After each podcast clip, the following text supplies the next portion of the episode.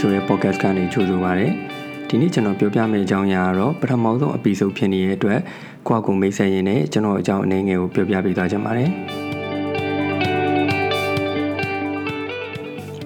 ကျွန်တော်နာမည်ကတော့ဇော်မင်းတင်ပါလက်ရှိမှာ Pixelian 360 Group ဆိုတဲ့ digital marketing agency မှာ CEO တယောက်ဖြစ်တာဝန်ထမ်းဆောင်နေပါတယ်ကျွန်တော်အကြောင်းပြောရမယ်ဆိုလို့ရှိရင်ကျွန်တော်ငယ်ဘဝကနေစပြီးတော့ပြောရမှာပေါ့နော်ကျွန်တော်ကသူငယ်တန်းကနေအဲ၄တန်း၅တန်းလောက်ထိက တန်းထဲမှာစာကြိုးစားတဲ့ကျောင်းသားစင်းထဲမှာပါတယ်ပေါ့အဆင့်ဆိုလဲ1 to 5လာတိုင်းဒီပါရခဲ့တယ်ပေါ့နော်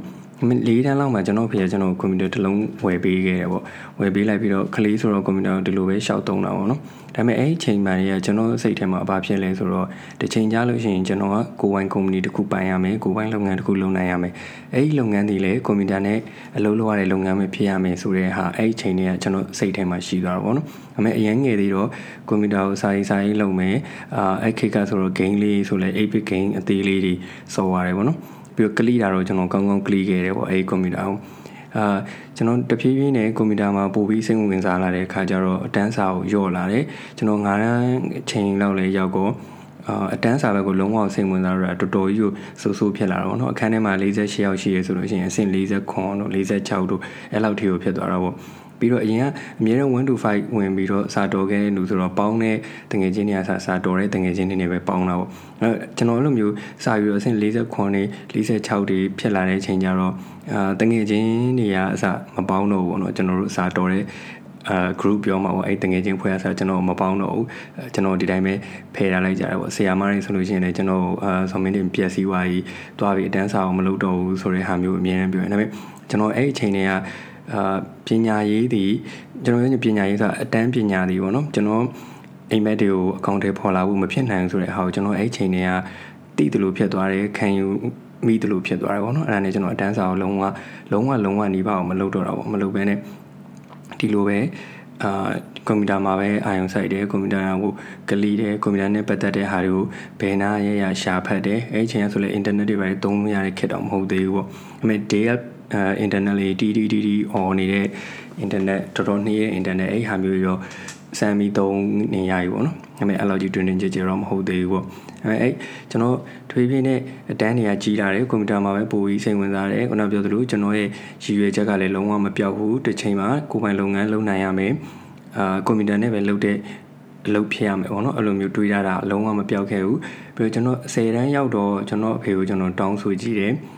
အာကျွန်တော်စာမွေးဝဲဆက်မဖြေတော့ဘူးစီးပွားရေးလောကတွေဝင်ကျင်နေပေါ့နော်အမေကျွန်တော်ဖေကကျွန်တော်ကိုပြန်ပြောပြခဲ့တာကြတော့ပြီးတော့ N1 2ဆန်တဲ့တခါကျတော့ကျွန်တော်အဲ့လိုပြောလိုက်လို့ရှိရင်ကျွန်တော်ဖေတော်တော်စိတ်ဆိုးမယ်လို့ကျွန်တော်ထင်ထားခဲ့တာဒါပေမဲ့စိတ်မဆိုးဘဲနဲ့ကျွန်တော်အေးစီးစီးပဲပြန်ပြောခဲ့တယ်10တန်းလေးတော့အောင်အောင်ဖြည့်ပေးပါဘောနော်ဒီ KG ထဲမှာ10တန်းလေးတော့အောင်လာဖို့တော့လိုတယ်10တန်းအောင်ပြီလို့ရှိရင်မင်းကြိုက်တာလုပ်လို့ရတယ်ဆိုပြီးတော့ကျွန်တော်ပြောပေးခဲ့တယ်ပေါ့နော်အဲ့တော့မှတ်မှတ်ရကျွန်တော်ပြန်မေးလိုက်တာကြတော့အဖေကို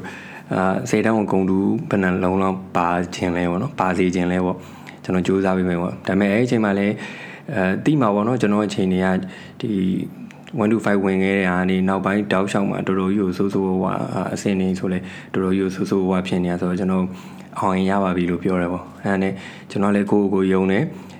ဖြေကန်ဒီဆောင်းဝဲဖြေကန်ဒီတလားလို့မှကျွန်တော်စာချက်တယ်၁၀တန်းကိုကျွန်တော်ဖြေတယ်အာနှစ်ချင်းပေါက်လည်းအောင်ခဲ့တယ်ပြီးတော့မမှန်ရ အမှတ်ကမြန်မာအန်စာ50ခွန်ကျန်တဲ့ဘာသာတွေအကုန်လုံး40အားလုံးပေါင်း250ခွန်နဲ့ကျွန်တော်အောင်တယ်ပေါ့နော်အောင်တယ်ဆိုရုံလေးပဲအောင်တာပေါ့ရှေ့ကိုနည်းနည်းပြန်သွားပြီးပြောရမယ်ဆိုလို့ရှိရင်ကျွန်တော်အဲ့ဆယ်တန်းစာမျိုးပဲဖြေပြီးတာနဲ့အောင်စင်းတော့မဆောင်ဘူးပေါ့နော်အဖေကိုအတင်းတောင်းဆိုတယ်အလုပ်လုပ်ချင်တယ်ဆိုတော့အဲ့တော့အဖေကဆယ်တန်းဒီနေ့လို့ဖြေပြီးတယ်ဆိုလို့ရှိရင်မနေ့ပြန်လိုမျိုးမှာအဖေတငယ်ချင်းအလုပ်တစ်ခုမှတွင်ပြီးတယ်ပေါ့နော်အဲ38လမ်းမှာလုပ်ခဲ့တယ်အဲဟိုကကျတော့ promote ဆုံးကျွန်တော်စာလုပ်ရတဲ့အလုပ်က video edit လုပ်ကြတဲ့အလုပ်ပေါ့ video edit လုပ်တယ် karaoke တွေဆိုလို့ရှိရင်အောက်မှာစာတန်းထိုးတဲ့ဟာတွေပေါ့နော်အဲ့ခေတ်ကတက်တဲ့လူလည်းတော်တော်ရှားတယ်ကျွန်တော်လည်းဘာမှမတက်ဘူးဒါပေမဲ့အဲမှာကျွန်တော်ရှေ့ရ senior တယောက်ကကျွန်တော်တင်ပေးတဲ့အတွက်ကျွန်တော်အိမ်မှာလုံနိုင်ခဲ့ပေါ့နော်အဲ့မှာ promote ဆုံးအလုပ်စာဝင်လုပ်တယ်အဲ့တုန်းကလာကကကျွန်တော်တောင်းခွဲရတယ်အဲ့ခေတ်ကဆိုတော့အာကျွန်တော်10တန်းဆိုတော့လွန်ခဲ့တဲ့15နှစ်လောက်ရှိမှာပေါ့နော်14နှစ်15နှစ်လောက်ရှိမှာပေါ့အဲ့ဒီချိန်က1000ခွဲဆိုတာလေဒါ3လို့လောက်တဲ့ဟာပေါ့ဒါပေမဲ့ကျွန်တော်က ကောင်းပါတယ်အာကျွန်တော်ဒီဆမ်မွဲဖြည့်ပြီးဆယ်တန်းဖြည့်ပြီးအလုံးစားဝင်လုပ်ထဲကအင်ကိုပြန်ထောက်ပံ့နိုင်တယ်လို့ဖြည့်ရမယ်ဆိုတဲ့အတွေ့အကြလည်းခေါင်းထဲမှာရှိတယ်အဲ့တော့ကျွန်တော်ရသမျှလာကအကုန်လုံးကိုလာကတထောင်ခွဲရတယ် bonus တင်ပါနေဆိုလို့ရှိရင်19000 18000အဲ့လောက်ဝန်းကျင်ရတယ်ပေါ့နော်အဲ့ဒါနဲ့အဲတထောင်ခွဲလုံးအိမ်ကိုပြန်ပေးတယ်ဆိုပြီးတော့ကျွန်တော်ပေးတယ်ဒါပေမဲ့အဲ့2000 3000လောက်နဲ့ကျွန်တော်လာတိုင်းအောင်လောက်အောင်သုံးတယ်ပေါ့ဒါပေမဲ့အဲ့ခေတ်အနေထားကလည်း line ကားကမှ20ပဲရှိသေးတယ်ခေတ်ဆိုတော့ဒလဒလ2000 3000လည်းလောက်တယ်လို့ပြောရမယ်ဒါပေမဲ့အဲ့လိုလာကုန်ရဲဆိုပြတ်သုံးလက်ဆို23ပေါ့အဲ့လိုအချိန်မျိုးလေးဆိုလို့ရှိရင်တော့ခက်ခဲလာရေပေါ့နော်ဘယ်လောက်ထိခက်ခဲလဲဆိုလို့ရှိရင်အာတခါလေးကြားလို့ရှိရင်နေ့လယ်ဘိုက်ဆိုင်ပတ်စံလက်ထဲမှာ20လောက်ရှိတဲ့ချိန်ဆိုလို့ရှိရင်လမ်းဘေးမွေငါးဆိုင်မှာမွေငါးတော့မဟုတ်ဘူး မွေငါးဟင်းရည်ဝယ်တော့ရတယ်ဒါဘိုက်ဆိုင်30လောက်ရှိတဲ့ချိန်ဆိုလို့ရှိရင်ကြတော့အဲ့အလုံးအလုံးလုံးနေနေရဘေးရမုတ်ဆိုင်လေးကဘီစကွတ်ငါးချက်တဲ့နှစ်ထုပ်ဝယ်စားပြီးတော့ရေတောက်ပြီးနေတယ်ပေါ့နော်တချို့နေ့ဆိုလို့ရှိရင်လက်ထက်မှာပတ်စံတပြားမှမရှိတော့လို့မြို့တွေကနေအိမ်ကိုလမ်းလျှောက်ပြန်ခဲ့ရတဲ့နေ့လည်းအများကြီးပဲပေါ့နော်အဲကျွန်တော်တောင်ဝင်မှာနေတဲ့မြို့တွေ38လမ်းနေအမြဲတမ်းဒီပါလမ်းလျှောက်ပြီးပြန်ရတယ်ပေါ့ အဲ့တော့ကျွန်တော်ဘာလို့အဲ့လိုမျိုးစားနေလဲဆိုတော့ကိုယ့်အကူကိုကျွန်တော်က0ထိကိုဆွဲချလိုက်တယ်ပေါ့နော်ဆွဲချလိုက်ပြီးအဲ့ရနေမှကျွန်တော်ကြိုးစားရမယ်ဆိုတဲ့စိတ်ကိုကျွန်တော်မှရှိနေပေါ့အဲ့တော့အာဆံမွေးဖြေပြီးတဲ့ကလည်းအိမ်ကနေထောက်ပံ့မှုဘာမှကျွန်တော်မယူခဲ့တော့ဘူးပေါ့မယူဘဲနဲ့ဒါမြန်မာလူမျိုးဖြစ်နေတဲ့အတွက်အဲမိဘကြီးမှာတော့နေရတော့မယ်ပေါ့နော်အိမ်ပြန်ရတော့မိဘကြီးမှာပြန်ရတယ်အာညနေစာဆိုလဲညစာဆိုလဲမိဘကြီးမှာပဲစားတာပေါ့နော်အဲ့ဒါတကူတော့ရှိတာပေါ့လုံးဝ လုံးဝတော့မိဘနဲ့မိဘဆရာထောက်ပံ့မရတဲ့ဟာမျိုးတော့မဟုတ်ဘူးပေါ့ကျွန်တော်အဲ့လုံးမှာတစ်နှစ်ခွဲလောက်ကြာတယ်အဲတနစ်ခွဲကြော်မယ်ထင်ပါတယ်လုံငယ်15နှစ်လောက်ဆိုကျွန်တော်လည်းတေချာမှမှတ်မိတော့ဗောနော်တနစ်ခွဲကြော်ကြော်လောက်ကြာတယ်ပြီးတော့ကျွန်တော်ဒီဇိုင်းမျိုးစေ့တဲ့ကျွန်တော်တို့ဆရာပေါ့နော်ဆရာအကြောင်းစီကိုကျွန်တော်ရောက်သွားတယ်အိမ်မှာကျွန်တော်ဒီဇိုင်းနဲ့ပတ်သက်ပြီးတော့စာပြီးတော့လေ့လာပြတယ်ပေါ့ဆရာဆရာနေဆရာစီမှာဒီဇိုင်းတွေတင်တယ်ဒီဇိုင်းတွေလောက်ရနေပြီးတော့ကျွန်တော်တကယ်စိတ်ဝင်စားတဲ့ဟာဒီဇိုင်းပိုင်းဆိုတာကိုတဖြည်းဖြည်းပို့ပြီးသိလာတယ်ပေါ့ ဒီတော့အာ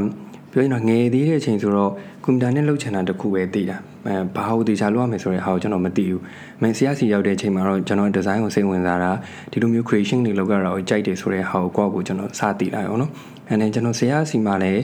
အဲတစ်နှစ်ခွဲလောက်တော့ကြာတယ်ပြီးတော့ကျတော့ဂျာထဲမှာကျွန်တော် offer တစ်ခုရလာတယ်အဲ့ဟာကကျွန်တော်နေဘိန်းမျိုးမှာပေါ့နော်ဘိန်းမျိုးမှာသွားပြီးတော့အလုပ်လုပ်ရမှာပေါ့အာ internet ဆိုင်ဖွင့်လာတာ အာပိုင်ရှင်ကလည်းကျွန်တော်တို့အတီးပဲပေါ့နော်သူကကျွန်တော် offer လုပ်တယ်အာလာကက1000ခွဲ2000ရနေရနေပြီးတော့အဲ့ချိန်မှာကျွန်တော်လာက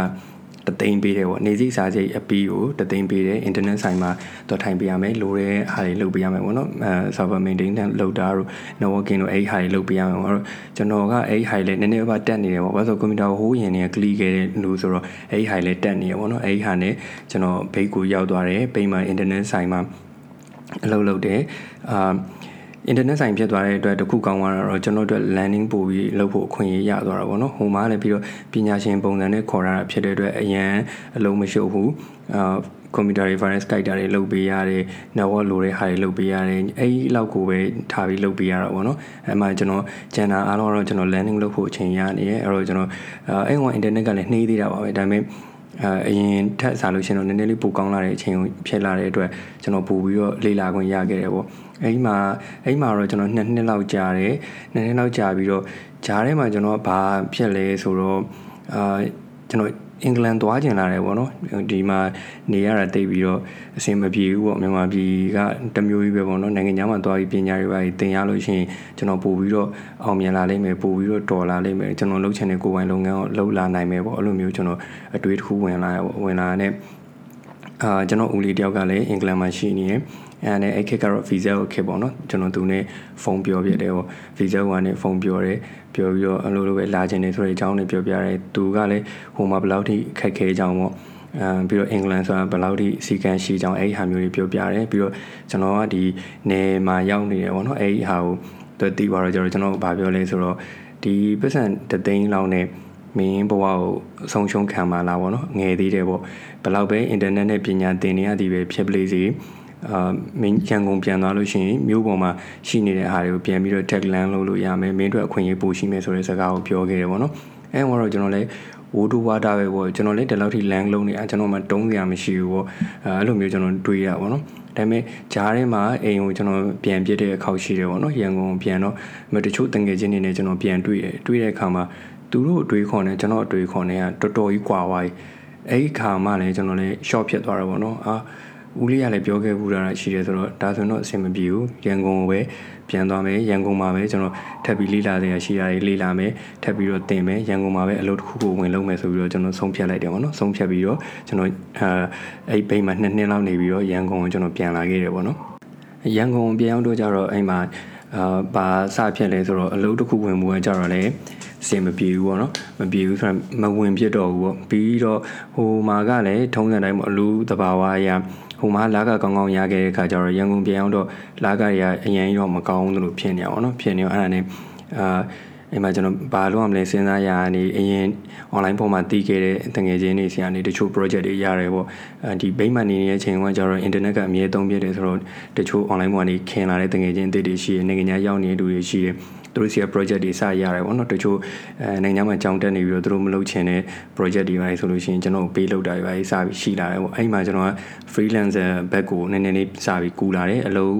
ဝင်တော့မလုပ်တော့ပဲမဲ့ကိုယ့်ကိုအဆင်ပြေအောင်တော့ဒီ freelance လုပ်ပြီးတော့ပတ်စံစားရှာနေပြီပေါ့နော်ရှာရတယ်အာအဲ့ရနေမှာ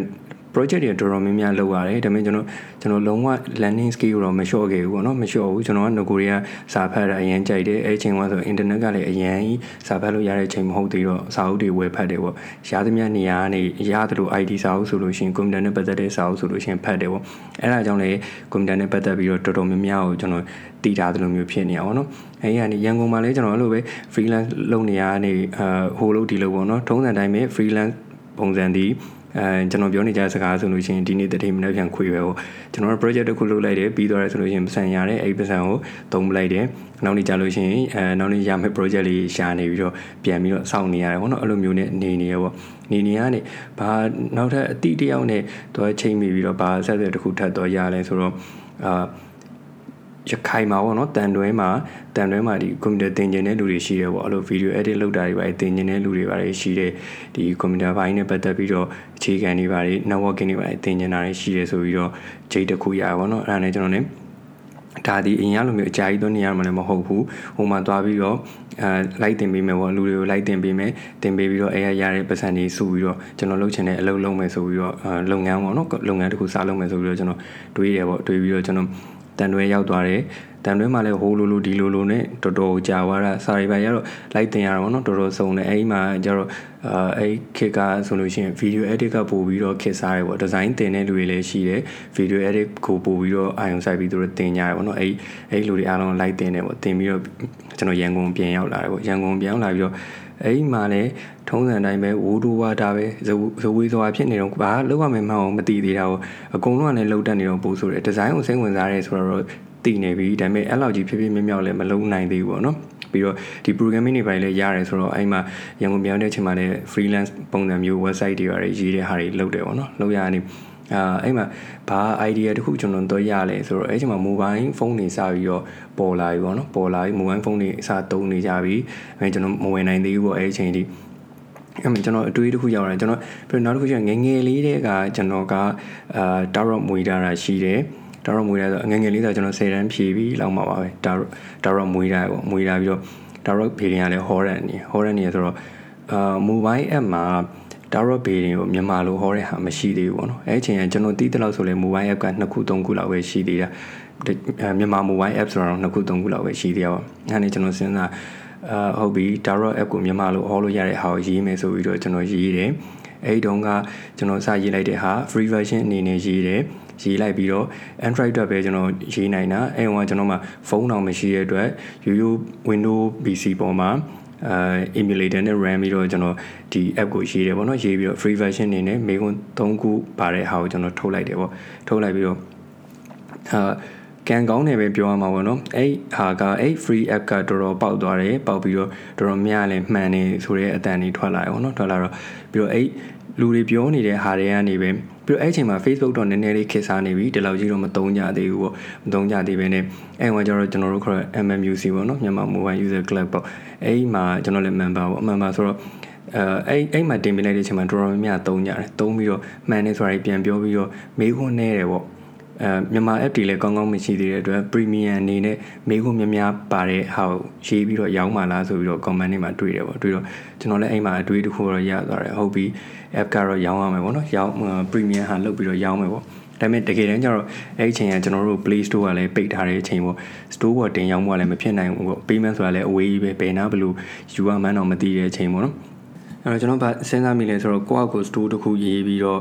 ရောင်းမယ်ပေါ့နော် website တွေပိုင်းလည်းရေးတဲ့နေရာလူဖြစ်တဲ့အတွက်ကိုယ့်အကို store တစ်ခုရေးမယ်ရေးပြီးတော့အဲလူတွေကတော့ဒီ store ကလာဝယ်မှာမဟုတ်ဘူး payment တွေပါတယ်ကျွန်တော်တို့စီမှာမရှိသေးတဲ့အတွက်ကျွန်တော်ဒီ store ကိုအာ mobile shop တွေပဲသုံးအောင်လို့ရေးမယ်ပေါ့နော် mobile shop တွေကိုဒီ store ကိုသုံးလို့ရအောင်လိုက်ပြမယ်ပြီးရင်ကျွန်တော် mobile app ဝယ်ဖို့အတွက်ကို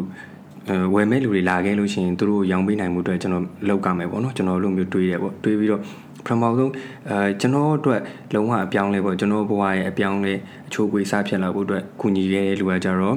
အာကိုရန်တော်ဝင်းပါကိုရန်တော်ဝင်းဆိုတာအခုဝင်းမှုပိုင်းဝေါ်ကကိုစိုးနောင်ဝင်းရဲ့အကိုပေါ့နော်သူကကျွန်တော်အဲ့အကြံကိုစပေးခဲ့တာပေါ့ store ကွာကိုရေးပြီးတော့ဖုန်းဆိုင်တွေကိုလိုက်ရောက်မှုကိုပြောခဲ့တာပေါ့ပြီးတော့ပထမဆုံး အဲဖုန်းဆိုင်စပြီးတော့တင်ဝင်ပေးတာလည်းကိုစိုးနောင်ဝင်မှုပိုင်းဘောကသူတို့ကစပြီးတော့ကျွန်တော်ရဲ့ app ကိုပေးပြီးတော့သူတို့ဆိုင်ကနေရောင်းလို့ရအောင်သူတို့လုပ်ပေးခဲ့တယ်ပေါ့နော်အဲ့ဒါပထမဆုံးပဲပေါ့ပြီးတော့ကျွန်တော်ရဲ့အတွေ့အအဲ့ချိန်ကကျွန်တော်ရဲ့ကိုကကြတော့အဲကျွန်တော်အဲ့ mtaro ပေါ့နော် app နာမည် mtaro ပေါ့ mtaro ကိုရောင်းမှုအတွက်ကို2000လောက်ပဲရောင်းမှာတစ်လုံး2000လောက်နဲ့ပဲရောင်းပါဆိုတော့ကျွန်တော်ဒီចောင်းသားတွေလူငယ်တွေကို target ထားတာဖြစ်တဲ့အတွက်သူတို့မိုဘိုးနဲ့ဝယ်နိုင်မဲ့နှုန်းကိုကျွန်တော်တွက်လိုက်တယ်ပေါ့နော်2000လောက်နဲ့ပဲရောင်းမယ်အဲ့ချိန်မှာတကယ်တမ်းကမြန်မာ mobile app တွေဆိုလို့ရှိရင်8500 1000 1000ပဲအဲ့လောက်ဝင်ညင်အောင်ချီနေဒါပေမဲ့ကျွန်တော်2000နဲ့ market ထဲကိုဝင်နေပေါ့နော်ဝင်ပြီးတော့ကျွန်တော်စပြီးတော့ရောင်းခဲ့တယ်ကျွန်တော်အတွေ့အကြကျွန်တော် 9သိန်းဘိုးလောက်ရောင်းသွားလို့ရှိရင်ကျွန်တော်အောင်မြင်တယ်လို့ကျွန်တော် app ကအောင်မြင်မယ်လို့ကျွန်တော်တွေးထားတာပေါ့နော်ဒါပေမဲ့တကယ်တမ်းကကိုစုံတော်တို့ကိုရန်တော်ဝင်းတို့ကူညီခဲ့ရလဲပါတယ်ကျွန်တော်ဒီနှစ်ရက်အတွင်းမှာကိုဒီ M Daro ကနေပြီးတော့ရောင်းသွားတဲ့ပတ်စံ340ကျော်ဘူးလောက်ထိကျွန်တော်ရောင်းခဲ့ရတယ်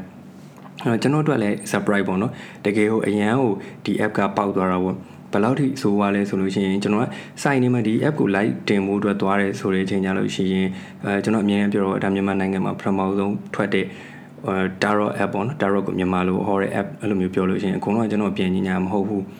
Tarot မြန်မာလိုဟောတဲ့ app ဆိုတာရှိပြီးသားဆိုရင်အကုန်လုံးပြင်ညာသူတို့ကလည်းကျွန်တော်ပြအဲ့ဒီဟာကြီးလိုက်လို့ရှိရင်အဲကျွန်တော်ပထမဆုံးစပြီးတော့ free ပေးခဲ့တဲ့ app ဖြစ်နေ အဲ့တော့ကျွန်တော်ပိုပြီးပြောလို့ကောင်းတော့ဒါက free ခု premium က2000မဲတောင်ရှိရဲဆိုပြီးတော့ပြောရဲပေါ့နော်ပြောပြီးရောင်းပြီးတော့အဲ့မှာအဲကိုရန်အောင်ရမယ်ကျွန်တော်အကြံပေးခဲ့တာ strategy အသစ်သူထုတ်ပေးခဲ့တယ်ပေါ့နော် site new ဈေးထက်လျှော့ပေးပြီးတော့အဲသူတို့ဖုန်းရောင်းတဲ့ဖုန်းတိုင်းမှာ free ထည့်ပေးအောင်လို့ညှိလိုက်ဆိုင်တွေကိုကြတော့ဈေးတစ်ခုနဲ့ပြန်ပြီးတော့ပေးဖို့ညှိလိုက်ဆိုပြီးတော့ညှိလိုက်တာပေါ့နော်အဲ့မှာလေရောင်းကအရန်ကိုထိုးတက်သွားတာပေါ့ထိုးတက်သွားတာကိုရန်အောင်ရောကိုဆုံးနိုင်ကကျွန်တော်ကျွန်တော်ဘွားတော့ပထမဆုံးအပြောင်းလဲဖြိုးဖို့အတွက်ကိုသူတို့ကျွန်တော်ကိုကူပေးခဲ့တယ်ပေါ့နော် အဲ့နေပြီးတော့ကျွန်တော်ပတ်စံရလာတယ်အဲ့တော့မှအဲ promoter android phone လေးကိုဝယ်ကိုင်းတယ်ဝယ်ကိုင်းပြီးတော့အဲ့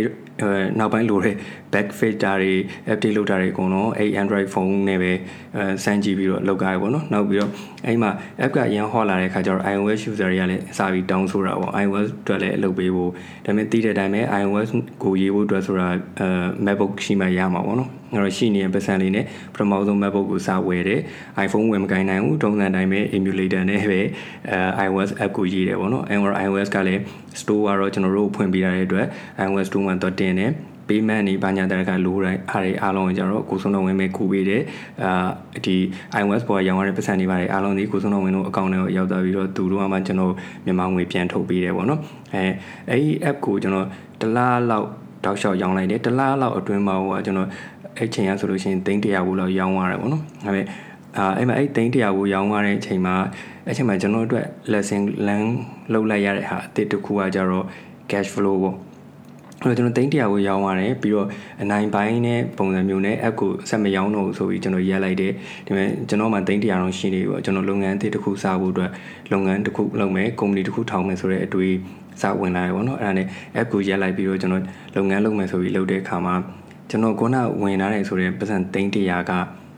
ဘယ်ကိုရောက်သွားမှန်းမသိတာကျွန်တော်လက်ထဲမှာ0ပဲရှိတယ်ဘာလို့လဲဆိုတော့ကျွန်တော် gap flow လုံးဝနားမလဲခဲ့ဘူးအဲ့တော့မှကျွန်တော်ကောင်းတယ်မှာ အဲဝင်လာတဲ့ဟာကုမ္ပဏီကြီးတွေပြောနေတဲ့လူကြီးတွေပြောနေတဲ့စကားပေါ့နော်ဝင်ငွေထွက်ငွေဒီဟာတွေအားလုံးချိန်ညံ့မယ်ဆိုတော့အဲ့တော့မှသိလာတယ်ကျွန်တော်အဲ့ဒီချိန်တုန်းကကျတော့ကျွန်တော်မှပတ်စံဝင်နေရဝဲမြင်တယ်ကျွန်တော်ဘယ်နေရာတွေမှာသုံးလိုက်တယ်ဘယ်နေရာတွေမှာဖြုံးလိုက်တယ်ဆိုတဲ့ဟာကိုကျွန်တော်လုံးဝမမြင်ဘူးအဲ့တော့ကျွန်တော်ဒီလက်ထဲကိုသိန်း100လောက်ရောက်လာခဲ့တယ်ဒါပေမဲ့0ကိုပဲပြန်ဖြစ်သွားတယ်အဲ့ဒီမှာကျွန်တော် land လုပ်လိုက်ရတာ cash flow ဒီ business တစ်ခုတော့မဖြစ်မနေအရေးကြီးတယ်အဲ့တော့ကျွန်တော်ဒီ cash flow နဲ့ပတ်သက်တာတွေကိုစပြီးတော့ဖတ်ပြီး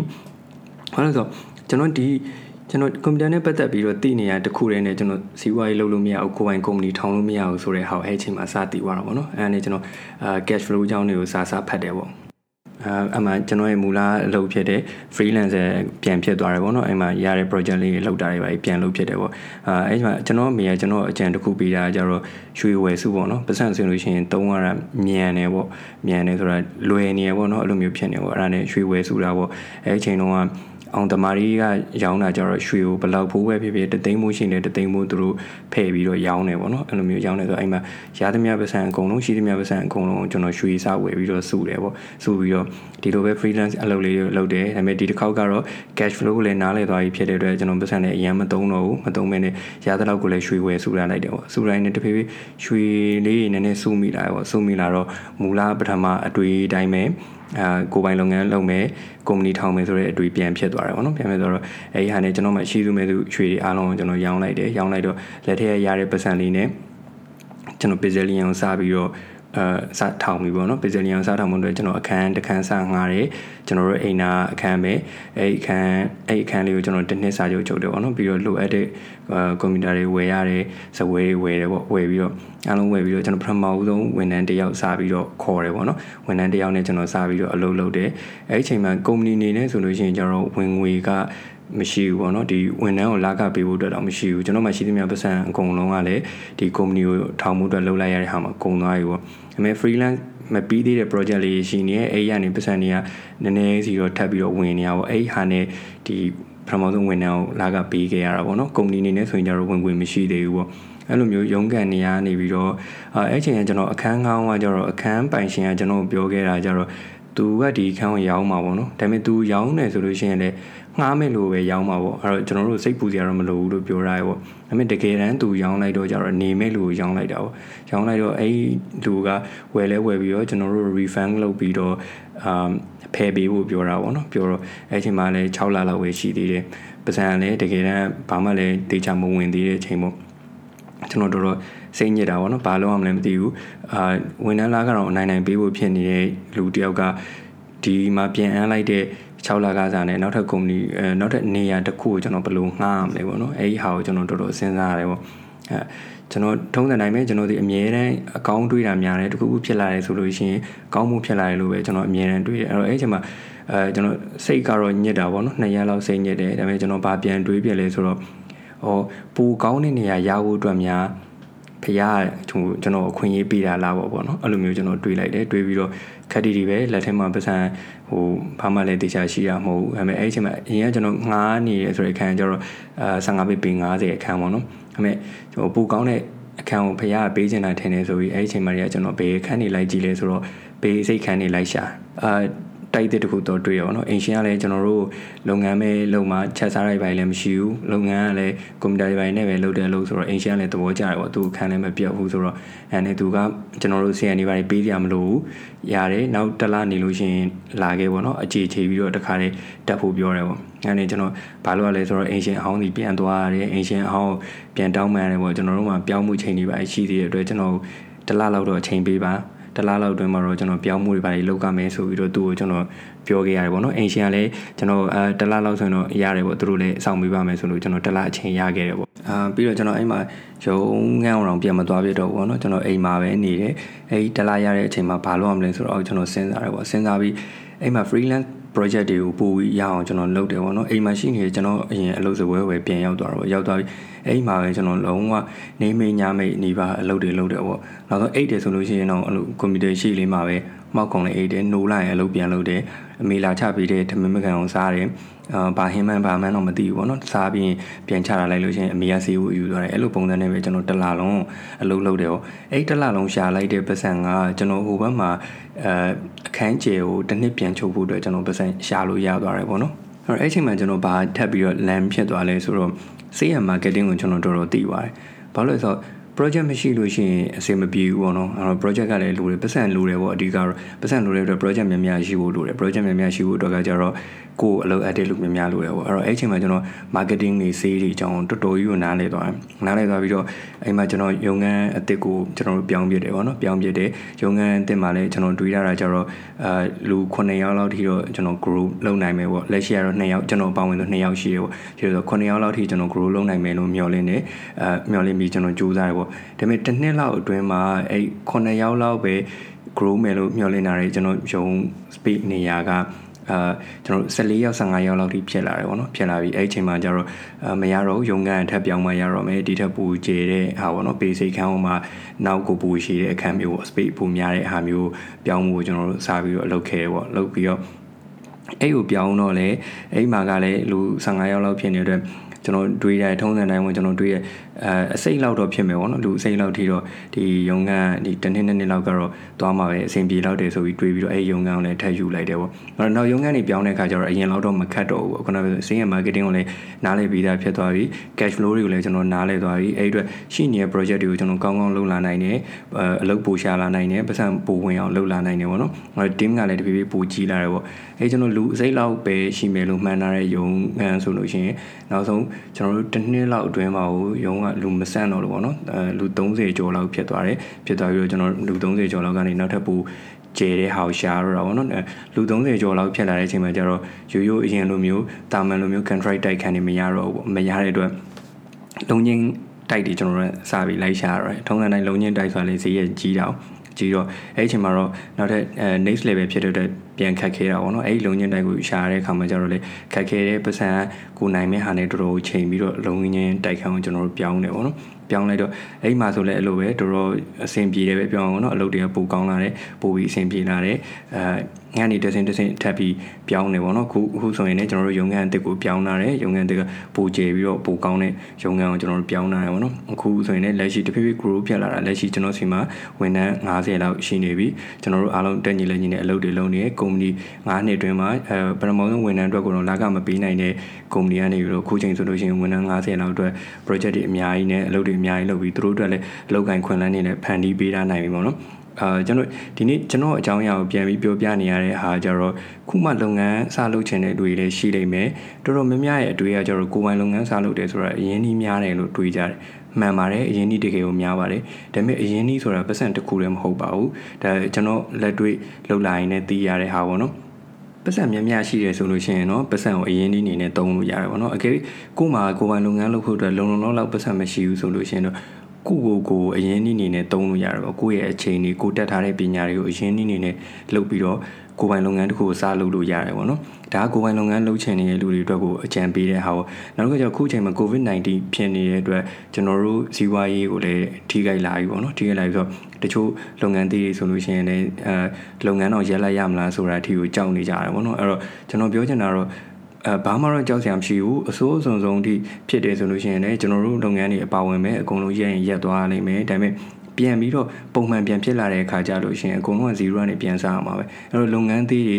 ကိုကိုလုပ်ငန်းပေးရမှာကြောက်နေတဲ့လုပ်ငန်းတွေအတွက်ပိုကောင်းတာဆိုလို့ရှိရင်အဲကိုထိုက်ရှိရအရင်ပြီးနေတဲ့လုပ်ငန်းတွေနဲ့တော့0ကနေတူတူပြန်ပြီးတော့စားကြရမှာအဲ့တော့ဒီလိုအချိန်မှာစိတ်မညစ်နေဖို့ကိုကျွန်တော်တို့ပြောချင်ပါတယ်အဓိကအာဒါတွေပြီးသွားလို့ရှိရင်ဘာလုပ်မယ်ဆိုတဲ့ဟာကိုကျွန်တော်တို့ကြိုပြီးတွေးတာမှာပါအဲဆိုကျွန်တော်တို့လက်လန်းမိတဲ့ကိစ္စမဟုတ်ဘူးဘယ်အချိန်မှာဘာဖြစ်မယ်ဆိုတာမသိဘူးဘယ်လောက်ထိကြာမယ်ဆိုတာမသိဘူးအဲ့အတွက်ကျွန်တော်တို့ကအစိုးဆုံးကိုစဉ်းစားရပြီးတော့ပဲအကဲအစိုးဆုံးတွေဖြစ်ခဲ့လို့ရှိရင်ပြန်ပြီးတော့ကျွန်တော်တို့အစပြန်စားတဲ့အခါမှာဘယ်လိုမျိုးစမလဲဆိုတဲ့အတွေ့အထိပဲတွေးနေဖို့လိုတာပါခု podcast ကိုနားထောင်ပေးခဲ့တဲ့တူတယောက်ချင်းစီတိုင်းကိုလည်းကျေးဇူးတင်ပါတယ်နောက် episode တွေကိုလည်းဆက်ပြီးအားပေးလို့ရအောင်လို့ subscribe button လေးကိုနှိပ်ထားပေးဖို့တောင်းဆိုချင်ပါတယ်